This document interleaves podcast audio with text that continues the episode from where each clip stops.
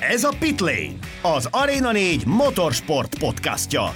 Baski Dáviddal, Demeter Gergelyel és Kerek Istvánnal. 15 év. Ennyi ideje vár a Ducati arra, hogy ismét egyéni világbajnoki címet nyerjen egy versenyzője Casey Stoner után, most pedig olyan közel kerültek a második egyéni sikerhez, mint korábban soha. Pekko Bányai a malajziai győzelmével 23 pontra növelte előnyét az összetetben Quartararoval szemben egy versennyel a vége előtt. Erre szokták azt mondani, hogy ezt innen már csak elveszíteni lehet, de az olaszok korábban már bizonyították, hogy erre bármikor képesek, bár kétségtelen, hogy ezúttal minden mellettük szól. Ennek ellenére egy futamon persze bármi megtörténhet, pláne novemberben Valenciában, de előtte még beszéljük át, hogy mi történt Malajziában. Sziasztok, ez a Pitlane Podcast 47. adása, és akkor vágjunk is bele a történet közepébe. Kinek mi volt a legkedvesebb, vagy a legemlékezetesebb momentum, megmozdulás, beszédtéma az egész hétvégével kapcsolatban? Sziasztok először is, én is köszöntök mindenkit. Sziasztok, én is szintén. Hát ha a legemlékezetesebb momentumokat kellene felsorolni, um, hát akkor több, több is volt. A szombati kvali abszolút ide tartozik szerintem, amikor ott több világbajnok, akkor még ugye több világbajnoki esélyes is megingott ö, a nyomás, vagy hát éppen a, a tétnek köszönhetően. De ha igazán választanom kéne, akkor nekem a, az a Ducati is, hát nem is tudom, minek lehet azt nevezni, tanakodás, meeting, fejetlenség kicsit, amit láthattunk a részükről, ugye, amikor, amikor ott Banyája már vezetett, és Bastianini pedig elkezdte támadgatni.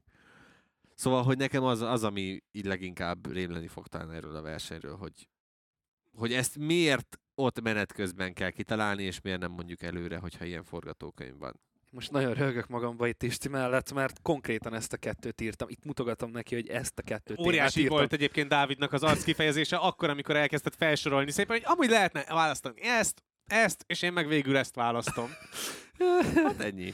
De akkor mondok valami harmadikat legalábbis megpróbálok. Amúgy van is, hiszen a rajt a versenyen Szerintem arról nagyon sokat lehetne majd beszélni a későbbiekben. Azért nem mondok nevet konkrétan, hogy melyik, mert két, vers, két versenyző Mondd az van. egyiket, én meg mondom a másikat. Jó, akkor, akkor, akkor, akkor felezzük el. Ez lett volna neki. Bányája. Bányája rajta egyértelműen szerintem a, az, az megtette meg az egész versenyét, én véleményem szerint. Én akkor azért nem rajtot mondok, hanem egy olyan párharcot, ami akár el is dönthette volna egy utólag a világbajnoki címet, a bezeki felzárkózás és a Quartararo féle védekezés. Jó, jó, aláírom. Igen, abszolút ez is teljes mértékben egy, egy jó dolog. Na, ezt a dicséretet kihasználva pedig akkor vezetem tovább a történetet, mert hogy Pekko Banyaja és a Ducati kerül most elsőként nyilván középpontba. Ugye Banyaja nagyszerűen rajtolta, ahogyan ezt már érintettük részben, utána pedig végigbírta a Bastianini által generált nyomást, és hát hogyha nagyon őszinték akarunk lenni, akkor elég nagy rutinja van Banyajának ennek a nyomásnak a kezelésében, mert azért Bastianinivel Főleg az utolsó néhány hétben elég komoly csatákat vívtak, akár a futamgyőzelemért, akár pedig a puszta pontszerzésért. Igen, megvan a rutin, viszont szerintem nem tudom, hogy vagytok vele, de amikor én nézem ilyenkor a versenyt, és Banyel mögött ott van közel valaki, akkor mindig ö, jönnek azok a képek, amikor ugye elesett mondjuk a Saxeringen, elesett ugye Le Mansban, ö, tehát hogy azok mind-mind olyan bukások voltak, ami annak volt köszönhető, hogy éppen valaki egy pici nyomást ö, ráhelyezett. De kétségtelen, hogy, hogy nagyon úgy tűnik, hogy, ö, hogy Pekko Megtanulta kezelni ezt a nyomást, vagy még inkább talán, talán elviselni, mert, mert tényleg most Bastianini megint megtett mindent azért, hogy, hogy kizökkentse, és ennek ellenére ezt nem tudta megtenni, sőt, igazából valamilyen szinten az a támadás, ami ott volt a részéről, és ugye át is vette a vezetés Bastianini ott a futam közepén, lehet, hogy az az ő versenyébe is került, mert mert ugye ő is elmondta, hogy utána viszont valamikor, amikor az érre állt, akkor utána valami két-három kör múlva elromlott, és már nem úgy viselkedett a motor hátulja, hogy ő azt szerette volna. Ennek ellenére ő is nagyot-nagyot ment, de, de bányájától pedig ez egy igazi, igazi bajnokhoz méltó teljesítmény volt, én azt gondolom, hogy ez nagyon-nagyon kellett, hogy meglegyen az, az, a, az a nagy erőny Valenciára, és most nem inogott meg. Nem ingott meg egyáltalán, viszont az időmérőre visszatérnék egy gondolat erejéig, mert ott viszont megingott mind a három világbajnoki esélyes. A Quartararo, Elis Espargaro és Banya is eldobta a motorját, és emiatt azért komoly fejfájása volt mindegyik Quartararo garázs. nem dobta Quartararo nem dobta el, hanem, csak de elrontotta. Az elrontotta, de elrontotta. előtte már eldobta. Hát az FP4-en dobta Hát el. Igen, tehát a szombat, úgy értem, hogy az időmérő, tehát hogy FP3, FP4 és az időmérő, tehát akkor így mondom, hogy a szombati napon. Hát az FP3 nem az időmérő, meg az FP4 se, de értjük. De érted, hogy mire akarok? Nem, mert Kvalifikációs napon. Nap. Igen, tehát erre gondoltam. A lényeg az, hogy ugye alapból elesett, sérülésre indult neki az időmérőnek, és elrontotta ott azt a 7-es, 8-as kanyar kombinációt, a dupla jobbost, ahol sok más versenyző is hibázott, hogyha jól emlékszem, ugye Banya- Banyá és ott dobta el. Tehát a lényeg, ami a lényeg, hogy már ott azért én azt éreztem, hogy azért a nyomás az rajta van Banyáján is, Quartararo is, pláne ezek után, és Aleisen is, mert, Aleisen is, mert nála egyszerűen nem működött megint az Aprilia. Hiába vártuk azt, hogy valamit elérjen, nem volt.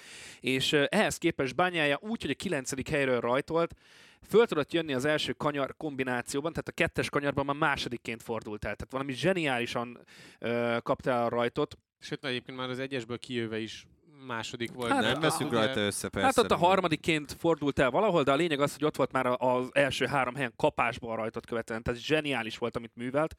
És ott már egy kicsit azt éreztem, hogy jó, akkor a srác tényleg összeszedte magát, nincs rajta az a nyomás, pedig az arcát folyamatosan mutatták a kamerákkal, hogy mennyire feszült, de mégis tudta kezelni. Sisak Azt- alatt láttad az arcát? Nem, nem, nem. Azon kívül ugye még a pedokban, meg a box, a, a Szerintem rajtrácson. egyébként pont, hogy nem ő volt a legfeszültebb, sőt, szerintem pont, hogy ő volt az, aki inkább nyugtatta a Ducatisokat, hogy nem baj, gyerekek, rendben van minden, én kezelem a dolgokat. Az látszott igazán az arcán, ugye, hogyha most a, a Kalit emlegeti Dávid, hogy amikor visszaért és meglátta az eredményt, hogy ugye Mhm, Az mind. Quartararo, mind Alá és megnyugodott. mögötte végzett, azért látszódott rajta egyfajta nyugalom. Igen, akkor és már szerintem igen. inkább ez volt az, ami, ami őt átbillentette, mert, mert azért azt is tegyük hozzá, hogy az FP4-en látszódott, hogy ezt a futamot, ha ez száraz lesz, ezt csak ő bukhatja el. Neki volt magasan a legjobb tempója minden, mindegyik őjük közül, Ö, illetve az is látszódott, hogy amikor ott pont el, eldobta, akkor vagy két vagy három tizeddel velte, volt, vel, verte volna azt a Martin féle időt, tehát, hogy az első sor az lazán meg lehetett volna neki. Tehát, hogy a tempója meg volt mindenhol. Jöttek a hibák, hogy mennyire volt ez benne, hogy mondjuk például ott volt ugye Mark Márquez megint ráakaszkodott azon a körén is. Ö, így lehet, hogy ez egy picit belejátszott ezekbe a történésekbe, de, de tényleg össze, összeszedte magát, Nem. és, és nagyon-nagyon jól ment végig. Nem, nem az, hanem az, amit Morbidelli művelt vele, meg Márkezzel. Tehát oké, hogy ráakaszkodott Márkez, de szerintem az totál nem érdekelte, hanem az zavart be neki, hogy ott volt ez a Franco Morbidelli nevű gyerek, aki föltartotta az ideális éven azt a gyors körét, amivel amúgy, amit mondasz, meg lehetett volna simán az első sor, aztán újra próbálkozott, már kopott a babroncsokon, és akkor jött De ez a... Morbidelli nem a időmérőn Az tartotta fel. FP3-on tartotta De- fel Morbidelli a bányáját, meg a Márkezt. Akkor Ugye azért nem jutott be a Q2, motorját, az, és azért nem jutott be a Q2-be, Q2-be, mert hogy be, ugye igen, többiek pedig automatikusan. elkezdtek Igen. sorozatban javítani, és De- igen, nem I- igen, emiatt volt az, igen, én mondom rosszul, de a lényeg az, hogy már amiatt kiesett ugye a, a automatikus bejutásból, a Q2-be való bejutásból, már az egy feszültség volt, már De az hát a egy stressz. Q1, a Q1 olyan simán nyerte, mint a húzat, tehát hogy nem hiszem, hogy ö, Igen, és egyébként pont azzal, hogy egy ennyire hányattatott szombat délelőtt után ennyire simán meg tudta ugrani azt az egész ö, teljesítményt, ami szükség volt ahhoz, hogy ugye Q2-be jusson, onnantól kezdve teljesen egyértelmű volt szerintem mindenki számára, hogy Bányája itt nem a második sorért, vagy, vagy a, a, az első sorért megy, hanem a polpozícióért megy, és a tempója is egyébként erre predestinálta őt, és ezért is volt óriási meglepetés az, hogy ugye végül kiesett, illetve hát bukott, de hogyha megnézzük az egész szombatját, főleg a délutántól kezdve, ott az FP4-től indulva, ott azért egy egészen más bányáját láttál, és egyébként pénteken is rohadt maga biztos volt, még annak ellenére is, hogy ugye az első szabad edzésen gyakorlatilag végig a közepes keverékű abroncsokat használta, készülve a, a már a vasárnapi versenyre, és az első szabad edzést azt egy az egyben beáldozta a versenyszimuláció oltárán. Aztán az más kérdés, hogy ugye délután az eső közre játszott, és ugye a félig száradó pályán nem sikerült megközelíteni azt a körét.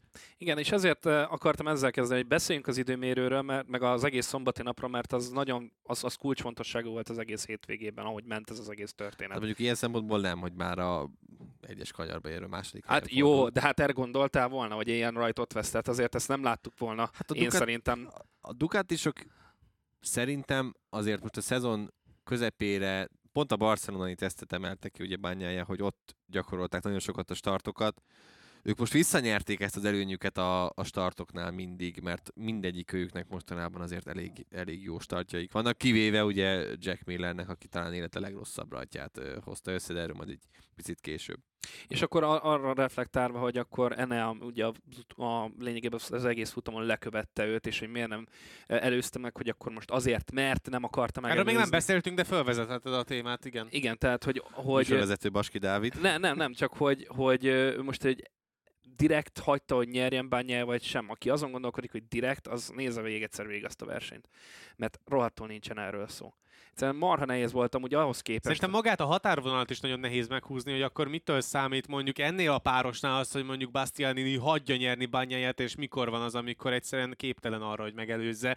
És szerintem pont ez most egy olyan verseny volt, amikor mind a két félnek akár lehetne is igaza, de inkább egyébként az a valószínűbb, hogy, hogy bányája volt ennyire jó. Ennyire jó volt Bányája, igen, mert próbálkozott látszott. Volt egy olyan momentum például, amikor az utolsó kanyar féktávján egy picit talán elmérte magát Bastianini, és majdnem az történt, amit Mizánóban is láthattunk, hogy majdnem eltrafálja őt. Volt egy onboard felvétel, nekem ez rémlik, és, és nagyon közel volt a két motor egymáshoz, tehát ő mindent beleadott, csak nagyon nehéz volt előzni ahhoz képest, hogy ilyen baromi hosszú egyenesek is tarkítják ezt a pályát. Csak ugye két lényegében majdnem ugyanolyan motorról beszélünk, amely egyenesben, amely ilyek között egyenesben nincs különbség jóformán, és végig szélárnyékban motorozni elmondták, hogy baromira hülyeség volt, vagy nagy hülyeség lett volna, meg az is volt alapból, mert megfőzték a gumikat, az első abroncsot, hogyha végig kitartottak, meg a motorblokk is túlmelegedett. Tehát így emiatt nem lehetett olyan jókat ö, előzni, meg olyan úgy sokáig végig szélárnyékban maradni, mert, mert akkor ez lett a történetnek a vége. Igazából ami érdekes, hogyha már itt erről az egyenesekről beszélünk, hogy Aragonban mindenkinél gyorsabb volt Bastianini motorja az egyenesekben.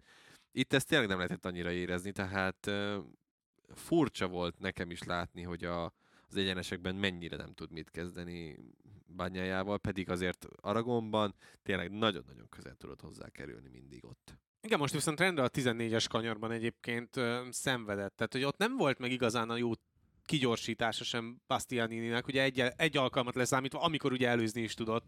Igen, a Ott 15-ösből... 11. kanyarban, vagy Igen. 11. körben. De a, a 15-ösből, tehát az utolsó kanyarból való kigyorsítása, az kottára ugyanolyan volt sokszor, és nagyon közel volt Bányája hátsó kerekéhez. Végig ott körön. motorozott, persze. Végig, végig ott De a motorozott. tempókülönbség nem volt, meg a szélárnyékot sem tudta igazán kihasználni, Nem. azt a plusz néhány Muszáj volt az egyenes, előnyt. a célegyenesnek a felénél muszáj volt kimenni a szélárnyékba, mert ha nem teszi meg, akkor köve, a, a lehet, hogy a féktávon már úgy esik be, hogy konkrétan uh, túlmelegszik az első abroncs, és nem tudja megállítani a motort, mert nem tapad be, vagy a fordulás közben csúszik ki alóla. Tehát bármi előfordulhatott volna, tehát ezekre is gondolniuk kell ilyenkor a versenyzőknek, na meg ugye sokkal sűrűbb volt a levegő, tehát iszonyatosan párás volt mondjuk Aragóniához képest a levegő, ez is azért sokat számít, hogy ennyire telített volt. Úgyhogy igen, ezek azok a dolgok, amik befolyásolnak egy motort, meg, meg nyilván a versenyzést is, ezekkel is kalkulálni kell, és ez határozta meg végül a versenynek a kimenetelét. És ugye Martinnal is azért nem akart menni Francesco Bagnaia, mert pontosan tudta azt, hogyha folyamatosan ott van mondjuk az előtte motorozó szélárnyékában, akkor az abroncsait teljesen megfőzi, és akár a motorblokknak is lehet ebből problémája.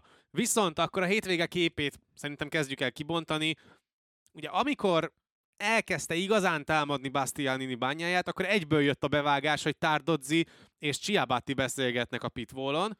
Aztán ugye megelőzte Bastianini bányáját, és aztán egy néhány körrel később jött a nyugalmából, hát kimozdított Gigi Dalinja is a pitwallra, és akkor ott ők hárman tanácskoztak. De miről? Igazából szerintem azt beszélgették, hogy ugye mire már úgy bekapcsolódott mindenki ebbe a beszélgetésbe, addigra már visszaállt a bányája Bastianini sorrend. Ezek, Bezeki pedig ö, közeledett mm, erősen akkor még Fábio Quartararo-ra, és mindenki tudta, hogyha Bezeki megelőzik Quartararo-t, akkor Bányájának esélye van a világbajnoki címet megnyerni, mert akkor már matematikailag bebiztosította.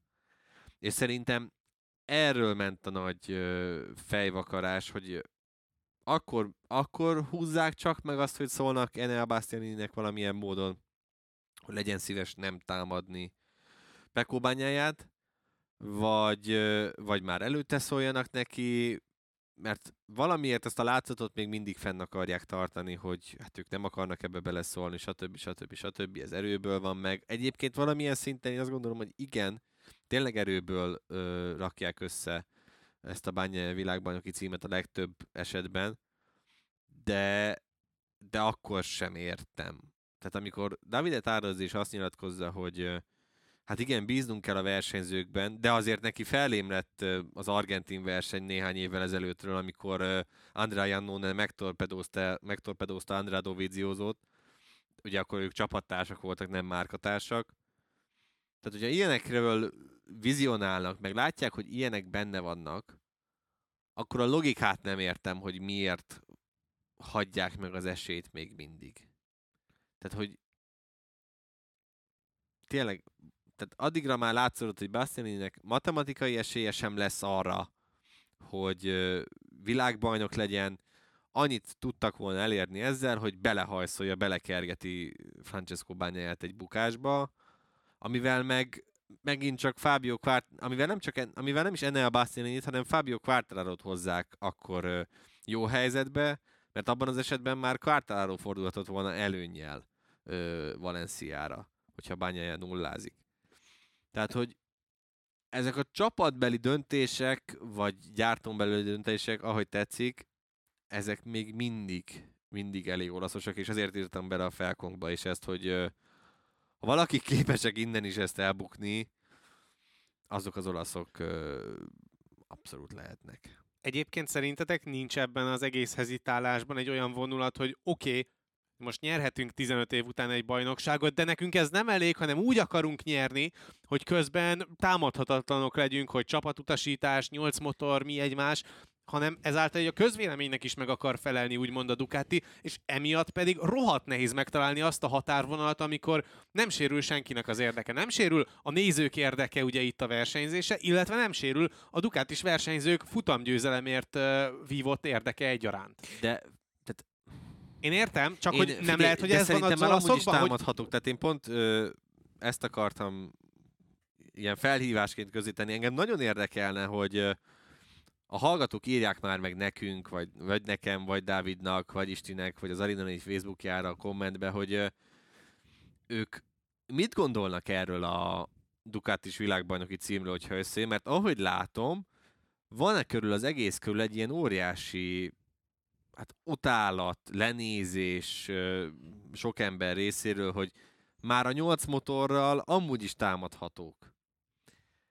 Tehát érted, amit mondok, hogy, én értem, hogy, Persze, hogy ezzel, ezzel már alapból egy ez egy támadási felület valamiért, én azt érzem, és mindenki ezt hozza fel, hogy hát 8 motorral de szerintem itt nem a 8 motor az extra. Szerintem se Tehát itt alapvetően, nem azzal van a probléma, hogy 8 hanem motorja hogy van a milyen, Ducatinak. milyen motorok azok igazából.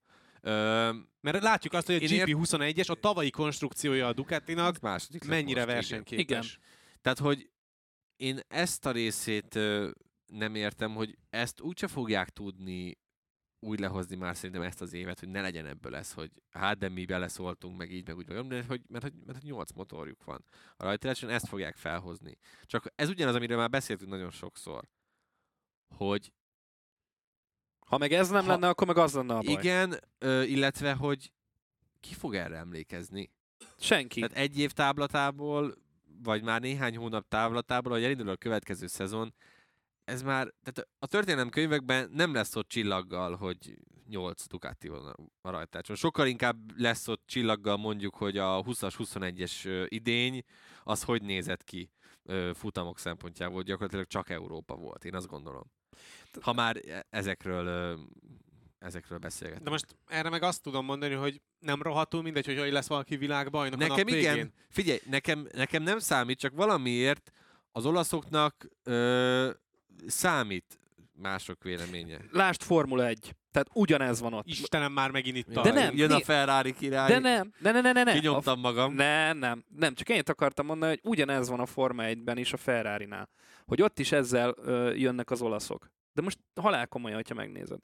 De mondjuk kit érdekel az, hogy, hogy ki hogyan szerzi ettől független a világbajnoki címet? Jó, de ott a Ferrari azt csinálja, hogy bele akar szólni a dolgokba, és úgy ront a helyzeten. Itt a Ducatisok legalább Igen, amikor már a a harmadik körbe éter van, azért az már ott mindent...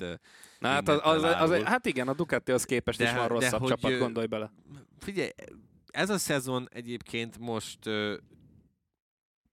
Tehát a másik, amit például nem értek, meg ezt is... De Gergő, várjál, most tök jó, hogy hezitálsz, mert akkor így most közbe tudok vágni, és Igen. lehet, hogy akkor majd erre a kérdésemre is tudsz válaszolni. Igen.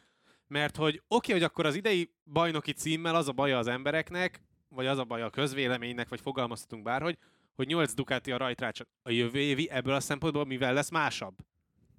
Hát, hogy ott még könnyebb dolguk volt, mert csak két Yamaha, nem tudom, nem hülyéskedek, fogalmam sincs. Nem tudom, figyelj. Mert ö, akkor e, innentől kezdve az ideit és a jövő évi bajnokságot is egybe lehet kezelni. Csak ezzel meg az a baj, hogy akkor minden évben találsz egyébként egy-egy ilyen csillagozható dolgot. Ja persze, tehát Tehát, hogy ezért De is hagyjuk már ezt, ez. amú, amúgy, tehát jövőre négy darab gyári KTM lesz. Például. hát idén és, is és hát, van elvileg. hát, de jövőre már biztosan tudod, hogy azok száz százalékig hát egy... ha most, nem, tehát, ha most mondanom kéne, akkor nem a KTM-et hoznám, hanem inkább A az, hogy Hon- 4, 4 aprília lesz. Vagy például. 4 Jövőre aprília, bocsánat, Ott igen. lesz Mark Marquez, eltűnik a Suzuki, tehát hogy ö, ilyen szempontból... És mennyi Ducati lesz, ami 23-as? Hát ugye csak Hmm. kevesebb, csak négy lesz. Így van. Úgy, mint most idén, hogy öt. Jaj, mert az a 22-es annyira rossz, látod. Na hát ezt mondom. Tehát, hogy Ezért mondom. Mindegy, lényegtelen szerintem, tehát hogy csak mondom, ezt, ezt a részét nem tudom hova tenni. Továbbra is azt mondom, és ezt mondta pont Davide Tardozzi is volt egy interjúra még pénteken egy podcastben részt vett a MotoGP.com-nak, hogy minden manufacturer, ugye így mondta, hogy every manufacturer, tehát hogy minden gyártó ezt bevállalhatta volna. A Ducati úgy volt vele, hogy neki ez plusz pénz, mert ugye alapvetően az egyéves motorokat árusítja ö, leginkább. Nyilván ahhoz is kell alkatrészeket gyártani, stb. stb. stb. De ez tényleg plusz pénz, és ők bevállalták. Ott van a lehetőség, ugyanezt mondtam múltkor, és ott, van, ott volt a lehetőség a Honda előtt, ott volt a lehetőség a Suzuki előtt, ott volt a ilyen lehetőség. És azt nem Yamaha a mondjuk Yamaha előtt is ott volt, ugye, amikor Rossziék megalapították a VR46-ot, tehát hogy És, a, és amikor a Honda dominált annó, tehát évtizedekkel ezelőtt, akkor nem hány kell- motorral mentek kell, például? Nem kell évtizedekig visszamenni, elég megnézni azt, hogy a Márquez érában milyen dominanciája volt Már- Például. És azt nem lehet mondani, hogy Ducatinak van a legtöbb pénz az összes csapat közül, az összes gyártó közül, mert ez is hazugság, mert a Honda simán lepipálja még a Ducatit is szerintem. Hát ebben nem vagyok feltétlenül biztos. hát akkor nagyon közel de, vannak, de meg de tudná ők, ugrani ők ugyanazt a valahogy Honda. ott szerintem egy, egy kalap alá vehetőek.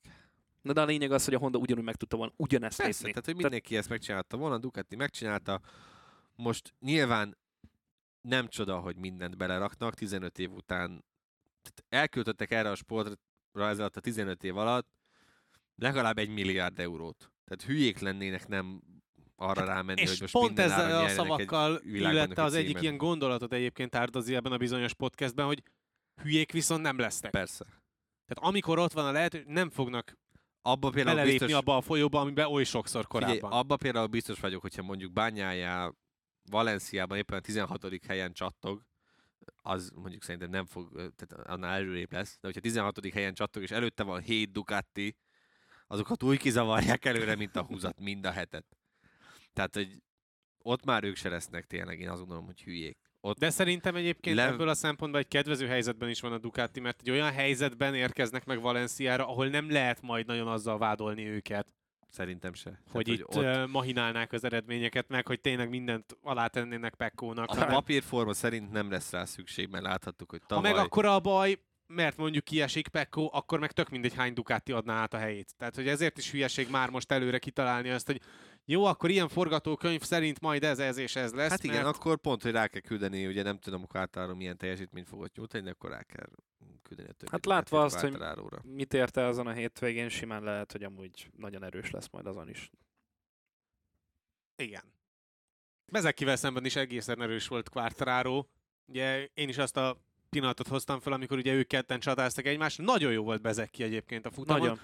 Csak az volt a probléma, hogy mire odaért Quartararo mögé, addigra azért elég sokat veszített a, a tapadásából is a, a nagy felzárkózás következtében.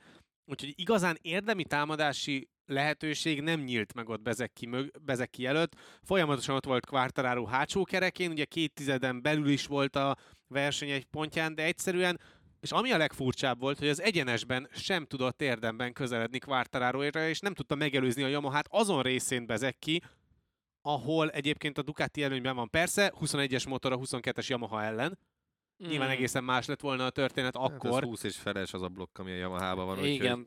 Jó, igen.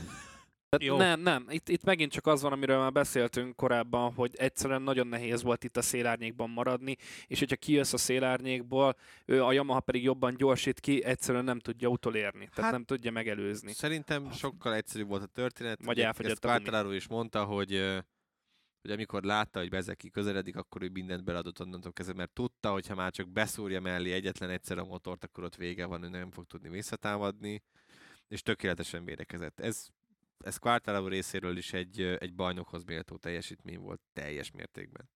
Tehát, hogy le a kalappal előtte, és hogy ezzel a, ezzel a csomaggal mit össze tudott rakni a bajnokavatás így elmaradt, Miller pedig élete legrosszabb startja után a hatodik lett, hogy amennyire jól sikerült bányájának a rajtja, annyira volt borzalmas Milleré, Zárkó pedig egy igen szürke futam után kilencedik lett, és Dijan Antonio Marini és Jorge Martin be sem fejezte a futamot.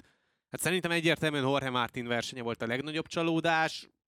Látva vezetett, és ráadásul folyamatosan növelte az előnyt, senki nem zavartatta egyszerűen őrült tempót diktál. Nem is kereste a kamera, amikor elesett. Emlékszel, hogy pont teljesen más csatát mutattak, és egyszer csak halljuk a hangot a tér mikrofonból. És csak hogy... azt látod, hogy a kettes szektorban sárga zászlóznak, de hogy azt hiszed, hogy ott a középmezőből Valahol valaki. valaki. És egyszer csak felbukkan az a lila-fehér motor.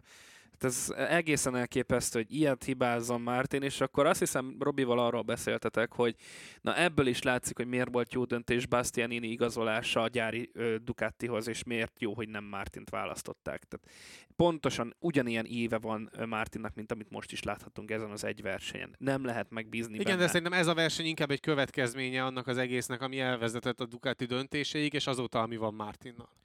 Mártin azt mondta pont a, ugye a verseny után kérdezték, hogy mi a helyzet, mi történt, stb. És valahogy szóba került, ugye, hogy jövőre, ugye ő GP23-ast fog kapni ugyanúgy, mint ahogy idén is megkapta a legfrissebb fejlesztés, amire ő, amire ő azt mondta, hogy ő, ő jobban örülne egy GP22-esnek, de hogy a, a bányája félre blokkal. Mert ugye még azt mindig elfelejtjük, vagy sokszor elfelejtjük, hogy ugye Zárkó, Martin és uh, Marini is azzal a blokkverzióval megy, amit végül a, a gyári csapat visszadobott a Katar előtti versenyen, és egyszerűen szerintem ezzel nem tudnak zöldágra vergődni, és emiatt szerintem lesz is egy kis fejvakarás majd a télen, hogy mi legyen, hogy megpróbálják ezt a blokkot betenni 23-ra, egyszer kifaragják belőle a jót, vagy inkább elengedik. De Martin azt mondta, hogy ő inkább egy 22-es motort szeretne a Pekko féle blokkal, nem tudom, hogy csak erre lehet-e fogni a teljesítményét, de itt most a szezon végére valamit talált, legalábbis egy körön mindig, mindig összejön neki. Az, hogy versenyen ilyen gyalázatosan és csúnyán eldobja az érről, az nagyon-nagyon fájó lehet. Mm, de lehet, hogy ez még fájóbb lett volna, hogyha végigvezeti a versenyt és Bányája második, ugye Bastianini harmadik, és az utolsó körben kiteszik a táblát, hogy akkor legyen szíves elengedni ö, Francesco Bányáját, mert hogy úgy világbajnok lehet, hogyha ő jön be elsőként. Nem tudom, Horne Martin nehéz hová tenni, látszik rajta, hogy egyébként ő is szét van esve, de azokat az éveket, tehát ugye mindig ilyen lassan építkezett minden kategóriában, és most láthatjuk tőle ugyanezeket a jeleket, hogy az első évében jöttek a pólok, és egy győzelem is, a második évében kicsit szétesik, de alapvetően úgy látszik, hogy építkezik, és a harmadikban pedig mindig ugye már a világbajnoki címért harcolt adott esetben. Nem lepne meg, hogyha jövőre is ez lenne a forgatókönyv, de azért rossz látni ezt az idei Jorge Martint nagyon. Összességében azért a Yamaha-t sem jó látni. Hogyha nem lenne Fábio Quartararo a rajtrácson, akkor borzalmasan rossz szezonja lenne az ivataiaknak. Ehhez képest ugye van egy 2021-es világbajnokot a Yamaha kötelékein belül, aminek nagyon-nagyon örülhetnek Jarvisék, és Quartararo pedig megmutatta azt, hogy miért nem szabad sosem leírni egy bajnok versenyzőt, hihetetlen versenyt rakott össze vasárnap, és nem csak, hogy a Yamaha gyengeségeink kellett túllépnie, hanem bizony a középső ujja eltörésén is, ami azért ö, így száraz körülmények között még talán egy picit hatványozottabban is ott volt a versenyzésében. Csütörtökön ugye volt a sajt- sajtótájékoztató a szokásokhoz híven, és ugye három, akkor még három bajnok esélyest kérdezték meg arról, hogy milyen időjárás szeretnének a hétvégére. És mondták mindannyian, hogy száraz, szárazat szeretnének.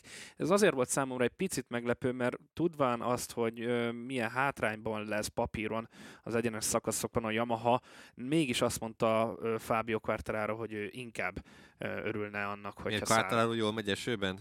Az igaz, hogy nem megy jól esőben, de még így is nagyobb esély van arra, a, legalábbis papíron, hogy több pontot szerezzen, mint bányája, mint hogyha száraz Hát, ha tájföldből indulsz ki, Ott nem ez történt. ott nagyon nem ez volt a helyzet.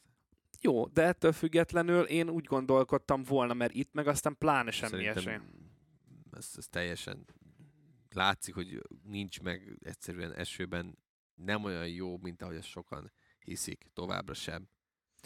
A lényeg az, hogy ő ennek örült volna, és ez be is jött, és amúgy a, a, nála is a rossz szombati nap után egy nagyon erős rajtot követően egy nagyon erős versenyt rakott össze. Tehát így össze, tényleg, ahogy korábban mondtad, Bezekinek milyen nagy csatát vívott, és Bezekit dicsérted, a Yamahát meg azon belül természetesen Fábio Quartararo-t is meg kell dicsérni, ahogy felvázoltad a törött ujjával. Tehát ez valami egészen elképesztő performance volt és hát életben tartotta azt a minimális, nagyon-nagyon minimális esélyt a világbajnoki cím megved, megvédésére, de legalább így még van miért izgulni, hiszen hiába van 23 pontos különbség most a két fél között, bármi előfordulhat, ahogy Geri is mondta korábban.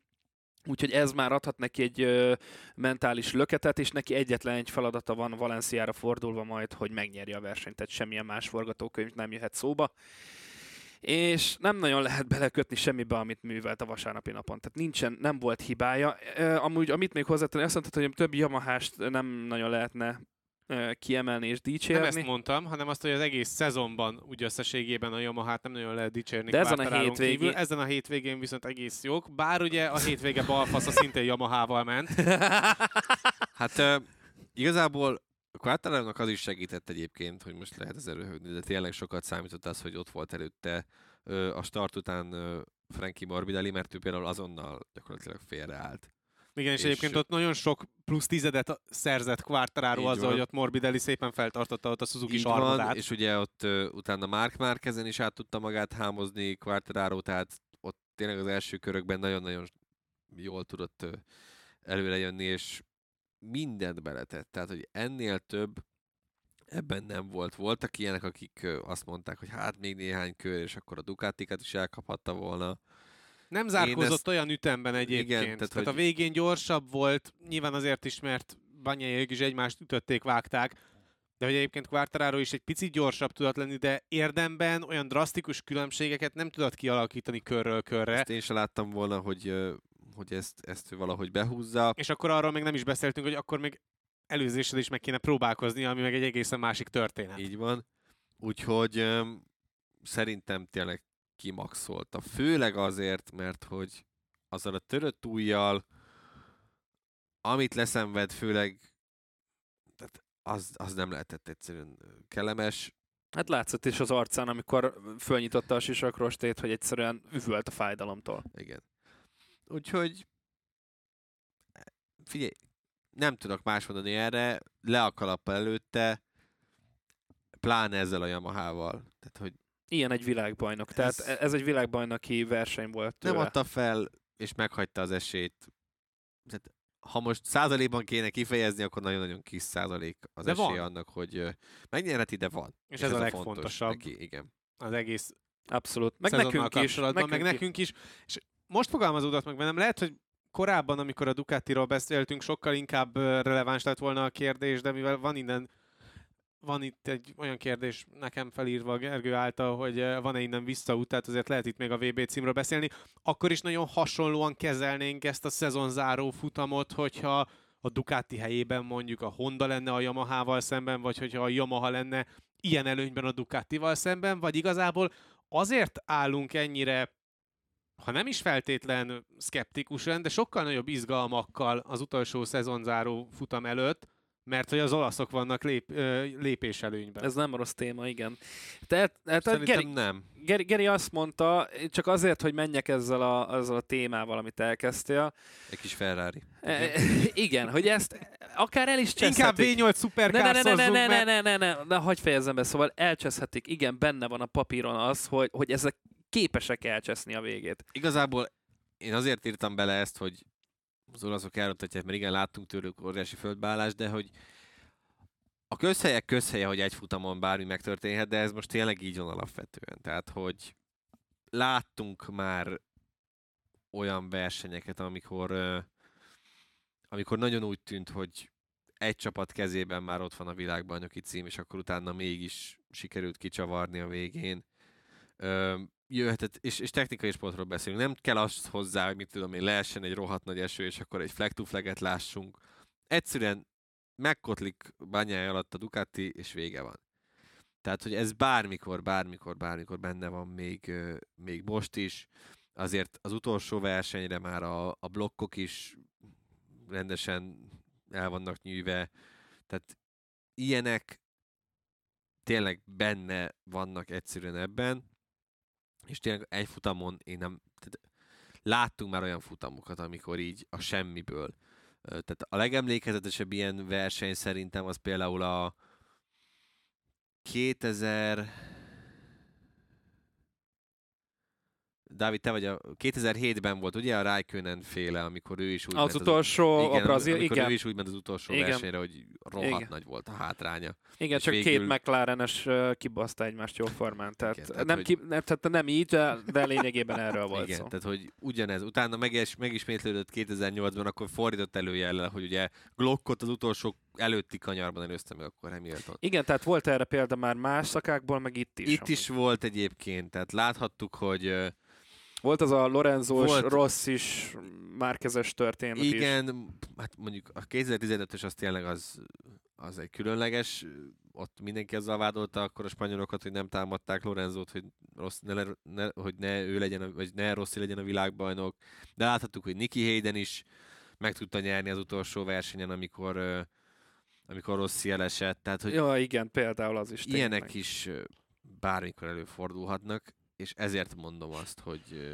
Igen, csak itt nagy a különbség. Tehát egyetlen egy út van ahhoz, hogy megnyerje a világbajnoki címet, ha megnyeri. Más út nincsen. Tehát hát nincs, nincs az, hogy második, harmadik, ez lesz. Vagy Ebből, ebből a megnyeri- szempontból egy rohadt jó futamot láthatunk majd Igen, csak Valenciában. ért, én is meg ugye, ami másik, ami fontos, hogy ugye november elején leszünk Valenciában, ami hát már nem a legjobb idő van akkor, tehát ez is bele, beleszámíthat abszolút. De ha azt mondanám, hogy van-e innen vissza, a, nyilván a józan eszem azt mondja, hogy nincsen, de nem tudom leírni. Amíg van matematikai esély arra, hogy ezt visszahozza, addig simán benne van. Ezzel egyetértek.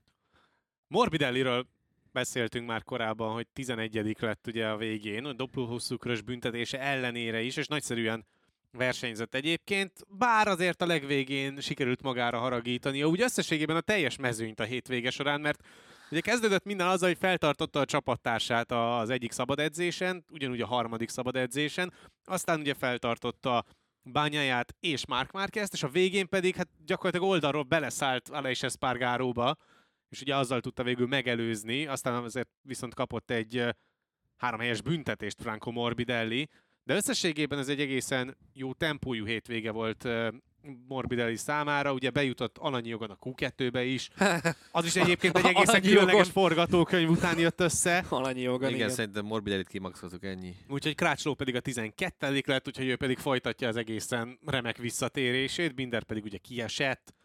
Szerintem a Yamaháról Ennyi. Ennyi elég is volt.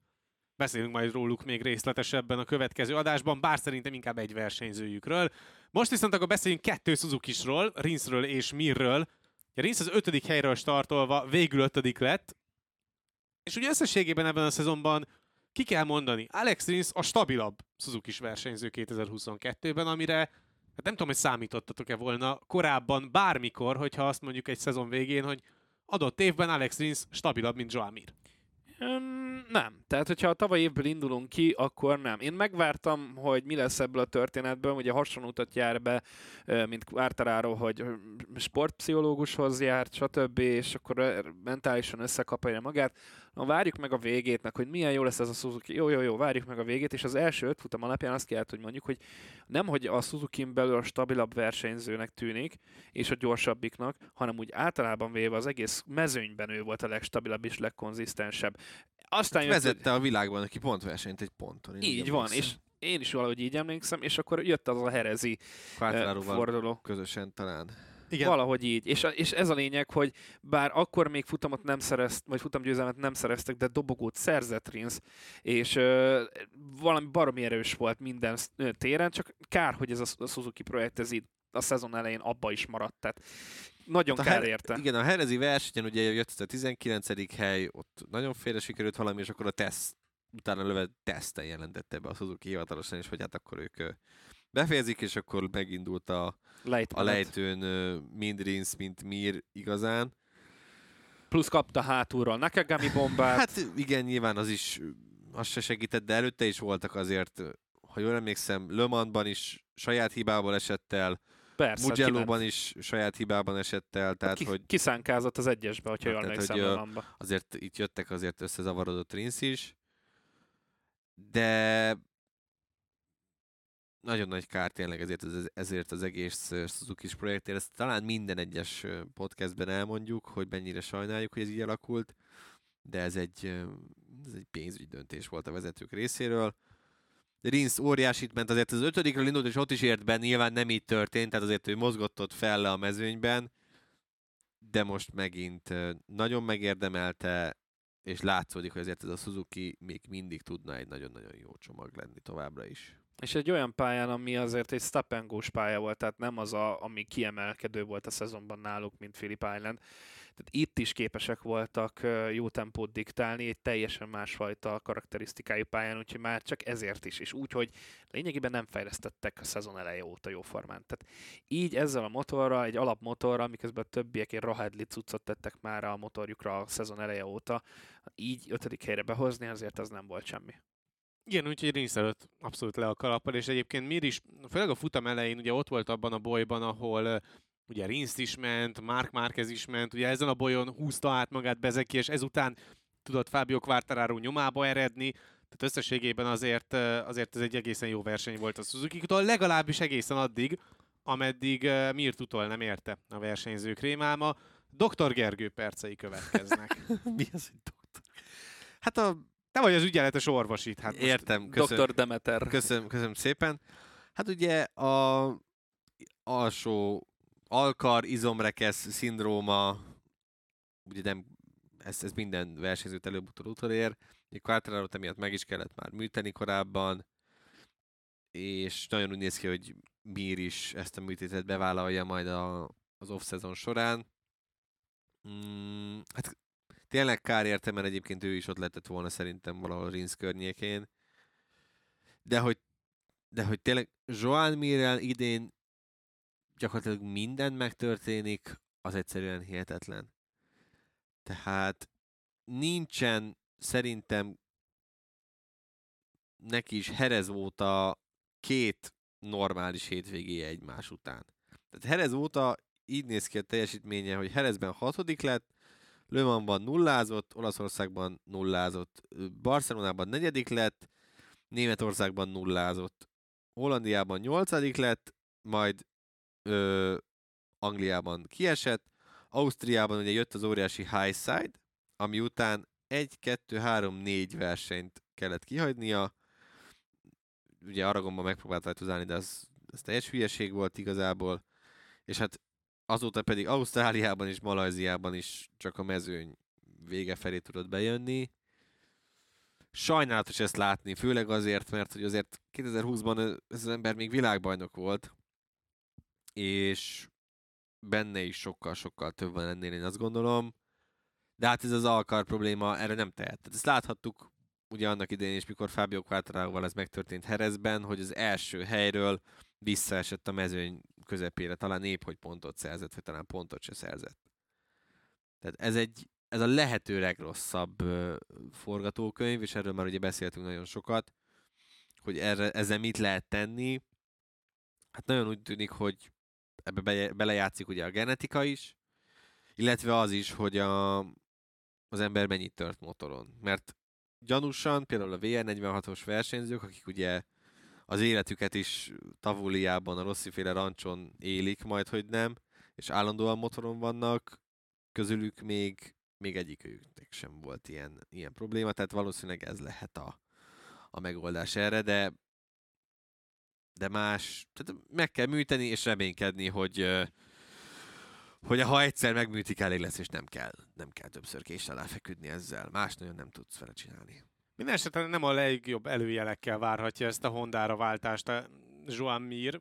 És ha már Honda, akkor pedig kanyarodhatunk is Márk Márkezékre, mert hogy Márkez megjósolta, hogy igazából ezen a versenyen szenvedni fog, és nagyobb a 8 tizedik helyre tippelte magát, és egyébként Martin bukása miatt végül hetedik lett, de ahogyan ezt elmondtuk például Quartararo-ról, úgy ö, Márkezről is mindenképpen el kell mondani, hogy ebben a futamban számára ennél a helyezésnél, amit elért, nem volt több. A Hondáról kapcsolatban mondta ezt el Paul Espargaro, hogy nagyon szenvedtek a hőségben. Tehát egyszerűen Tehát ezt már bírt- annyiszor hallottuk, hogy a melegben szenved ez a Honda. Igen, ez látszódik, hogy amikor hűvös van, akkor nekik nagyon fekszik a hűvös, de hát melegben ott a vége. Igen, úgyhogy ez okozta nekik a vesztüket, úgymond. Ebben azért több is benne volt, bár mondjuk azt elmondta az időmérő után Mark Márquez az interjújában, interjújában, hogy fogalma sincs, hogy mit keres itt most jelen pillanatban.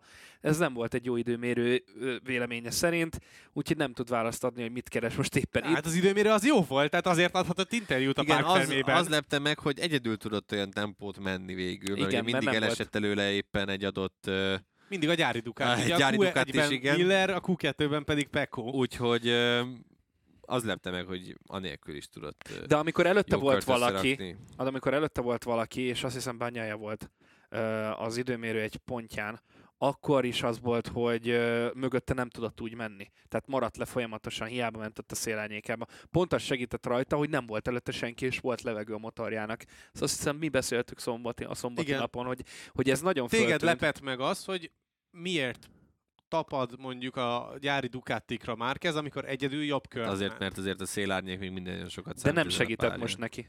Nem segített neki. Tehát Tehát ebben nem vagyok feltétlenül biztos, mert Hát- hát... én úgy emlékszem, hogy akkor, amikor Banya elesett előre, akkor pont piros szektorral kezdett például Nem, Már- előtte. Márquez is. még előtte. Még előtte volt egy olyan momentum, amikor ment mögötte folyamatosan, és maradt le, lehetett látni. És ezért lepett meg, hogy és nem is tudott olyan kört menni, amit szeretett Ha van pálya, ahol fontos a szélárnyék, az továbbra is itt van. Én értem, de nem tudott menni olyat. Tehát ez volt a furcsa számomra is. Én értem, amit mondasz. De és utána ez tudott. Magától. Nem, hát most mondom, hogy amikor Bányája ment előtte, és elesett utána, az első szektor pirossal kezdte Márkez is. Tehát akkor működött, hogy előtte megy valaki. Nem tudom, de akkor nagyon furcsa volt, hogy abban a körében, arra tisztán emlékszem, hogy az első körei voltak, ott egyszerűen nem ment neki úgy, ahogy szerette volna, és nem hibázott bele. Aztán, amikor még nem volt előtte senki, akkor sokkal gyorsabb volt. Tehát ez, ez tűnt ki az egészből. Hát ez meglepte őt is, hogy egyedül tudott tempót menni, és ez egy, ez egy jó előjel lehet egyébként alapvetően, Abszolút. ha már 2023-ra. Mert ugye a arról dolgokat. beszéltünk már, hogy ez nem volt jellemző rá, ez a balesete óta, a nagy 2020-as balesete óta jellemző rá, hogy lekövet valakit.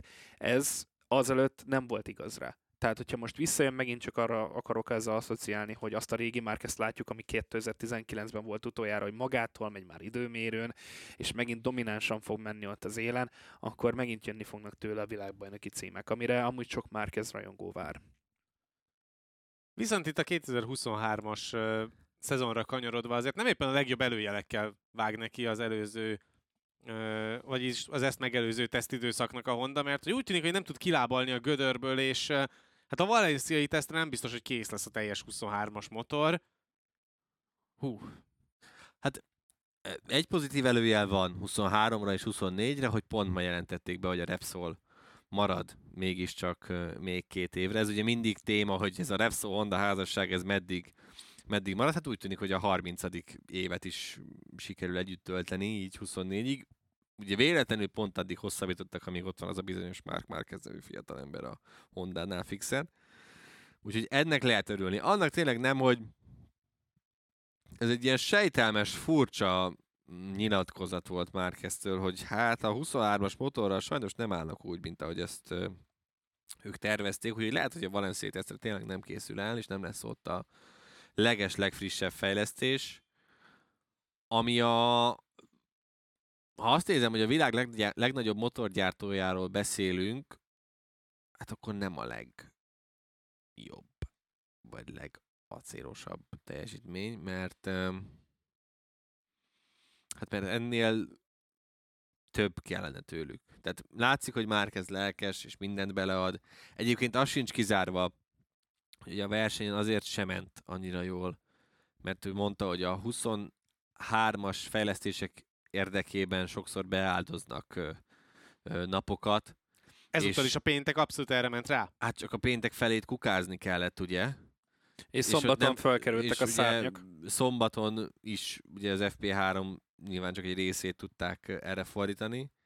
Tehát, hogy lehet, hogy vasárnapra is most egy picit próbáltak ilyen tesztüzemben menni, mert azért, ha van hely, ahol érdemes egy motoron mindent kipróbálni, ez pont Malajzia a szélsőséges körülmények miatt, ugye rendkívül nagy a páratartalom, nagyon-nagyon meleg van, ez jól látszódott mindegyik versenyzőn, mikor leszálltak, hogy teljesen ki voltak, Meg a és pálya is. és itt lehet a, a motorokból kihajtani a maximumot.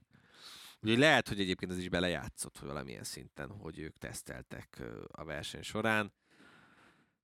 De ez, hogy a 23-as motort nem sikerül Valenciára legyártani, azért az valamilyen szinten, ha ez tényleg így lesz, akkor az valamilyen szinten elég nonsens. Elég komoly lábon lövés lenne minden esetre a Honda számára ez. Pláne úgy, hogy látva azt, hogy ez a hétvége úgy összességében nem volt erős a Hondánál, hiszen a többi Hondás még a legjobb tízbe sem tudott bekerülni. Vagy a szokásos, ahogy tetszik.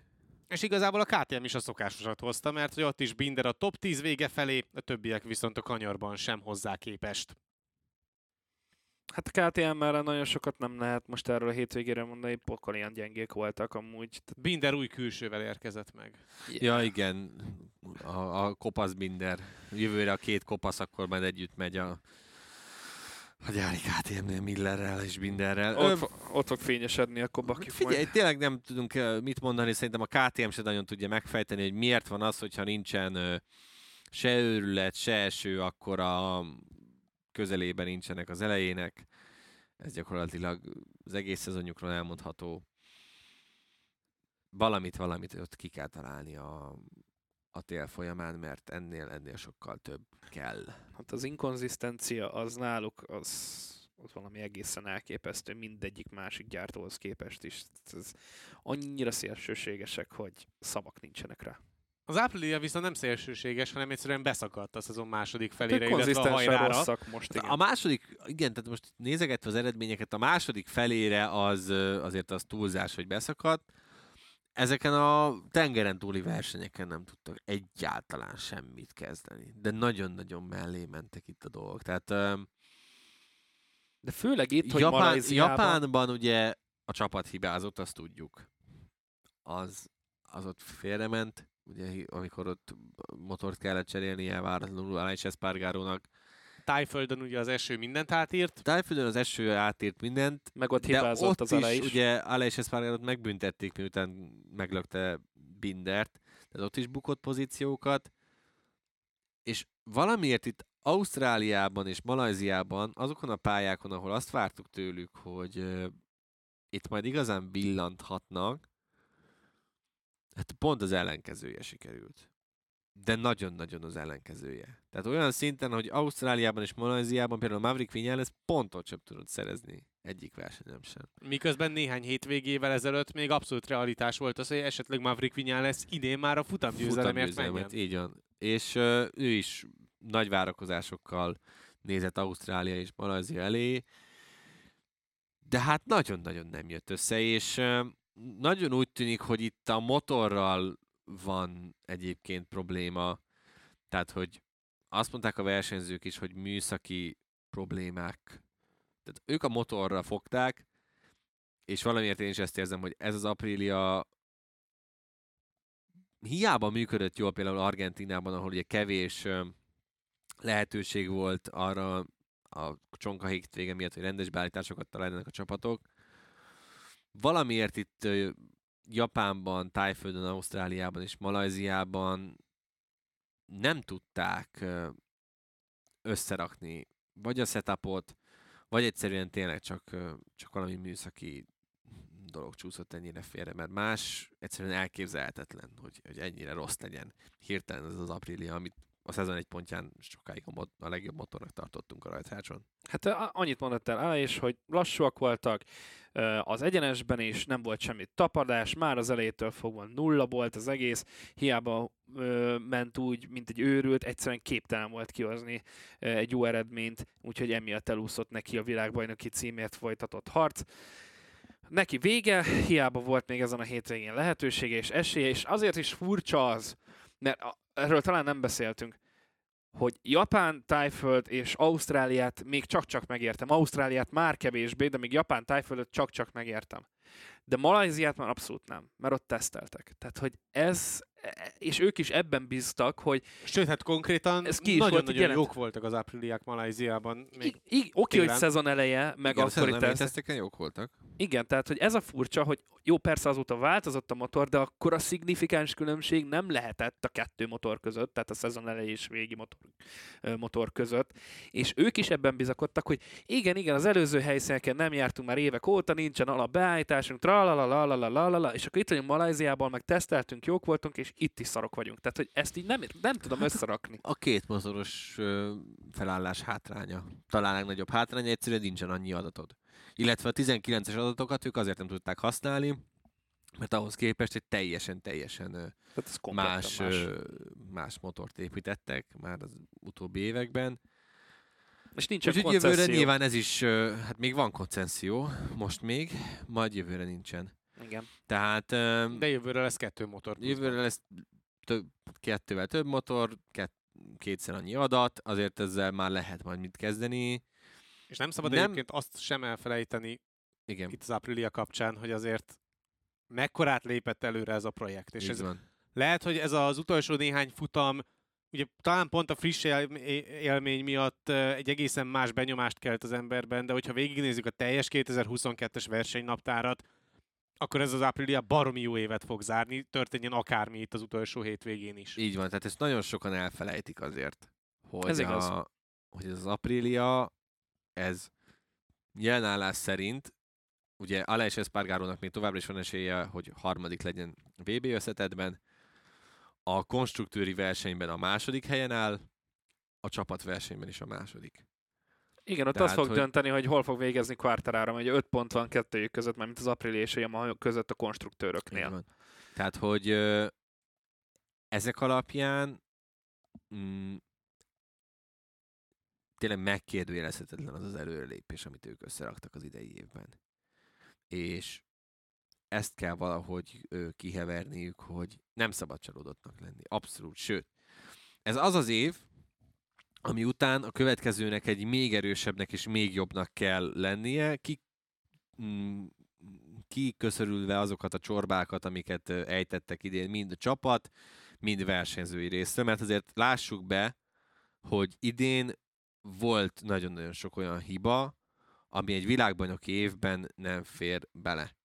Tehát a Aleix Espargaró féle Elnézem a körszámot című történettől kezdve, A mapping ugye- állításon keresztül. igen, ez a, ez a Japánban elfelejtettük a levenni a spórolós mappinget, illetve nem szabad elfelejteni például ugye Nagy-Britanniában is az a nagy bukás is betett alá, és ez pár, tehát ez sok-sok-sok kicsi dolog, ez így összeadódik egy nagyjá, és, és emiatt maradnak le erről a világbajnoki címről, de tényleg ez az év én azt gondolom, hogy le a kalappal előttük. Már csak azért is, mert azt, azt is sokan elfelejtik, hogy az Apriliának ez az első olyan éve, amikor önálló MotoGP-s gyártóként van jelen a rajtrácson, hiszen ők az év elején mentek szét a Grezinivel.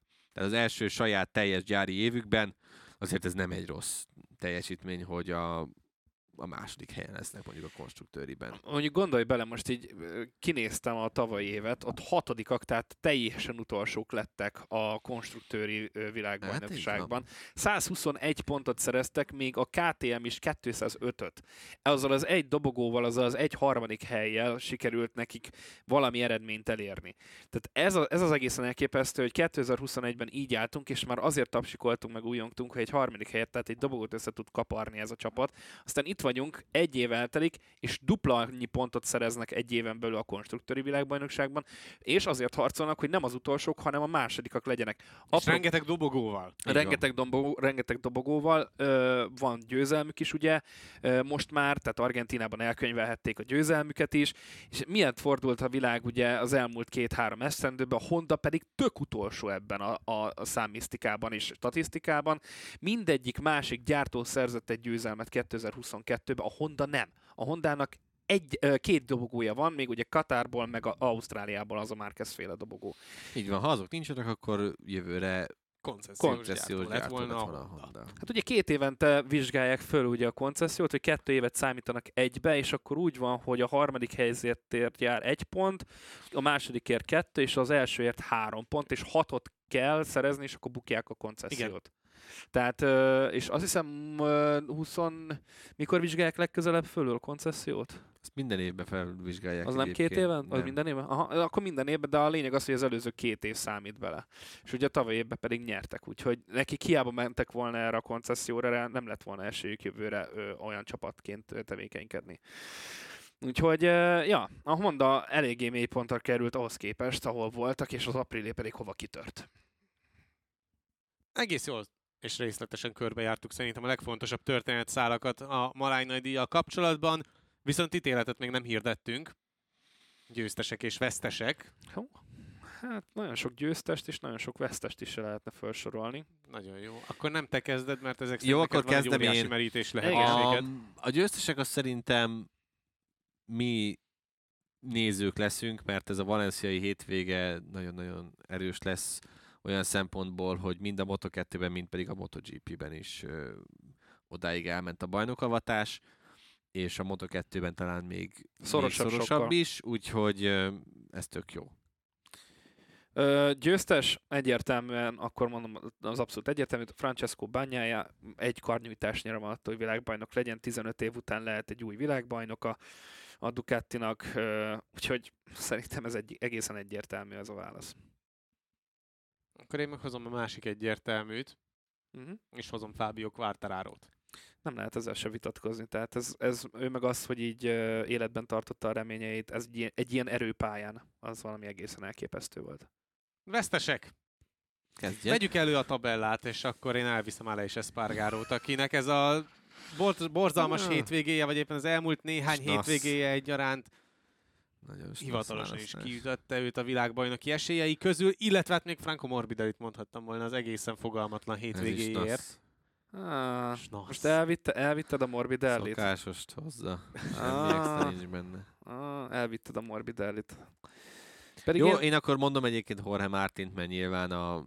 És ez miért, ex, miért exotikusabb, mint a másik kettő? Mert Morbidellit már annyit fikáztuk egész Mert évben. Jorge Martinról csak jókat mondtunk egész évben. Így van.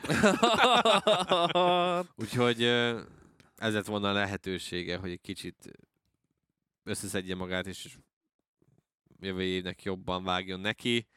Megint kapufa lett a vége. Mondom, én maradok a Morbidellin, én elviszem őt, mert egyszerűen ebben a hétvégében az az igazság, hogy több volt az De hogy, uff, De nem hogy volt több. De volt. Több nem lett volna volt. Több. Biztos, hogy elfogyott volna a végére megint. Több nem volt. Nem, hát támadta ele is. Jó, igen. Hmm. Jó, akkor vedd elő a tippeldét. Ja, amit te nem sikerültél meg tippelned? Hát ami nem az, hogy nem sikerült, Hát hanem hogy miért? elfelejtettem, mert nem szóltál, de... Ja, hát De igen. Nem kell szólni, hogyha valaki eljön adásfelvételre, Jó, jó, mondjuk, igen. ugye? És Igen. akkor Jó, Jó, rendben. jó tehát akkor ez. Istit bedobtuk a busz alá. Azt mondja, hogy a Gerinek volt bány, mi az? Bányája már? Dehogy bányája. Miller, Oliveira és bányája sorrendben az 1-2-3, hát ebből bejött neki bányája egy ponttal, a másik kettő az, hát főleg a Oliveira az erős kapufa. Isti Jaj, utola... de nagy a pofája, egyszer megnyeri a hétvégét, te jó Isten. Végre nyert egy hétvégét. Nem, Jézusom. Mi, nem, nekem már volt, volt, hogy húztam be, sőt ennél jobb hétvégém is volt. Szóval a lényeg az, hogy Tök utolsó úgyis még a versenyben. Igen, Isti mondjad. most már játékon kívül mondott egy Banyai Miller már Hát de nyilván hogy nem most, Jó, de hát még nem, szombaton. még szombaton, Persze. csak, csak hogy a tisztesség kedvéért elmondjam, hogy ő ezt mondta valamivel szerzett volna három pontot. Ami már amúgy is késő lett volna, mindig a Tudom. hétvége előtt leadjuk, tehát Már rég vége neki a dalnak. Bányája Miller Jaj, de nagy a pofája! borzasztó. Bányája Miller Bastianini négy pont a nevem mellett, úgyhogy 28 ponton van Kerek úrnak 20 és 37 Gerinek, úgyhogy ebben az összevetésben Geri csak... nyert. Nem, De. nem. Miért? Miért? Mert Még ha 9 te pontot, 9 9 húzol, Igen, és a akkor... Gergő egyet se, akkor a több zöld miatt Geri nyer. Hát azt honnan tudod? On, ahogy néz végig a táblán. Ez, hogy ilyen szabályokat alkot itt, bazd meg. Tiebreakert is kellett alkotni. Az egész az én rendszerem. Hát csak tudom, hogy mit találtam ki. Az Jó. más kérdés, hogy én vagyok benne a legrosszabb. Hát, na mindegy. Jó, Fantazi. olyan, tehát maradjunk annyiban, hogy ugyanolyan közel vagyok a bajnoki címhez, mint a Bányája. Bányája és Ducat, és a Ducati. De nem, mert Bányai, hogyha esik és Jó, nyer, akkor ő jó, bukja. Jó, oké, menjünk tovább a fantazira Jó, szerintem. fantaziban én utolsó pillanatban változtatgattam, betettem Bezekit és, és Bányáját, kitettem Millert és, és Márquezt miattuk, ami utólag nem a legjobb döntés, mert hogy benne hagytam, benne hagytam valamiért, én továbbra is bíztam a két apríliásban. Úgyhogy nem a legerősebb hétvégén volt ez, úgyhogy tizedik vagyok a, a Hungary Officialben és a Arena 4 Fantasy Ligában is, és azt nézem, hogy igazából, ha, ha őszinte akarok lenni, akkor innen már max a hát hetedik, nyol- hatodik helyig tudok előre jönni, mert uh, akkorák a, a különbségek. És akkor is, hogy csak akkor, hogy a tökéleteset uh, választok a hétvégére. Ja, rendkívül feszült és intenzív szombatot Dáviddal közvetítettük végig, úgyhogy az eseményekkel annyira sodródtunk, hogy a fantazit egy az egyben elfelejtettük állítani Nem mind a igaz, én, én nem felejtettem el, nekem annyi volt, hogy én nem akartam már változtatni egyáltalán ezen a felálláson. De már ez hetek óta igaz. Jó, akkor így még, még szánalmasabb, hogy több pontot szereztem, mint te. Igen, ez már igen. Jó, mondjuk nem sokkal, tehát hogy Nem, úgy, te miért nem állítgattál semmit, Dákó? Hát azért Miért? Mert nem volt annyi pénz, ami jöhetne mondjuk a Bezekiből, meg a Dijan Antonióból egy Na, ezt akartam volna kirakni, de hát nem sikerült. Meg a, meg a Jack Miller az egy tuti jó tipp volt, mert hogyha hátulról följön, akkor az extra pontok az előzgetések és miatt. akkor onnan tudtad, hogy még hátul lesz. Jövőbe látott. Értem. Nem, hát alapból hátul volt. Na mindegy. Mikor? Hát mi, hanyadik helyről indult, már elfelejtettem. De a második sor? Nem akkor tetted be, nagy okos. Hát jó. Milyen Jó. második sorban? Majd honnan indult? Tehát a elfelejtettem. Q1-es volt. Q1-es volt. Nem jutott tovább a Jaj, Q1-ből. tényleg? Nem, már De ugye a fantazit már lezárják a kvalifikáció előtt. Az rendben van, de én nem akartam nem változtatni. vagy, ja, jó. De, de hetek óta Fú, nem változtattam. haladjunk inkább tényleg, mert De nem ezt változtattam, borzalom hát. hallgatni tényleg, hogy most Nézd Na, én kiestem a a top vaktyúk 20-ból az Arena megtalálja a 4-en. szemet, igen. Az Arena 4-en kiestem a top 20-ból, de a Hungary-ben feljebb jöttem a 26. helyre. ez senkit nem 23. érdekel. vagyok az Arena 4 fantasyben. Én 28 vagyok, pedig amúgy nem volt egy rossz hétvégén. Így is sehol sincs. Igen. Hát mi az, hogy így is se, hogy menj el már. Szóval, hát a 28 amúgy nem szereztem olyan vészesen kevés pontot, csak mindenki más amúgy valami brutálisan erős volt ezen a hétvégén. Főleg Zozi Master volt, aki rettenetesen erős volt, aki berántotta a bányai duplát, és 190 és fél pontot írt az egész hétvégén. Hát ő megnyerte ezt a bajnokságot, kár számolni, mert 100 pont van. Hát 95 van közte, és a második Joker nevezető. Hát, ha elfelejt uh, Jó, de- ő is, ugye? Ja, ja, ja, persze. Igen, igen, igen, igen. Vagy állít, de nem ment rá. Ja, igen. Na, Tényleg, ha- hagyjuk- úristen, a Na, műszaki zseni a csapat. Igen, bocsánat. na, szóval, hogy ő csak úgy veszítheti el, mint Bányája a világbajnoki címet, hogyha már te szavaiddal élhetek. Hát ahogy én is a tippjátékot csak úgy bukhatom. Már nem bukhatod el. Ja, mert ő kitalálta a saját rendszerébe, hogy nem. Mert hogyha én azt mondom, hogy aki utólag... Na jó, Na jó, itt ez le van zárva, jövőre lehet hozni új versenyszabályzatot. Na majd írásba kérem. Jó, majd add be nekem. Viszont köszi a figyelmet, már ennyi volt a Pitlane. Jövő héten érkezünk majd a valenciai beharangozóval. Infokért, MotoGP-s cikkekért kövessétek az Arena 4 web és Facebook oldalát, illetve iratkozzatok fel az Arena 4 csatornáira azokon a felületeken, amiken hallgatjátok a podcastet, legyen a Spotify, SoundCloud vagy éppen Apple Podcast, illetve ha értékelitek és hozzászóltok az adásokhoz, azt meg is köszönjük, illetve kövessetek minket Twitteren, engem a K alsó 12-n, Dávidot az Ulver Kreatoron, Gergőt pedig a Demeter Gergely három felhasználó név alatt.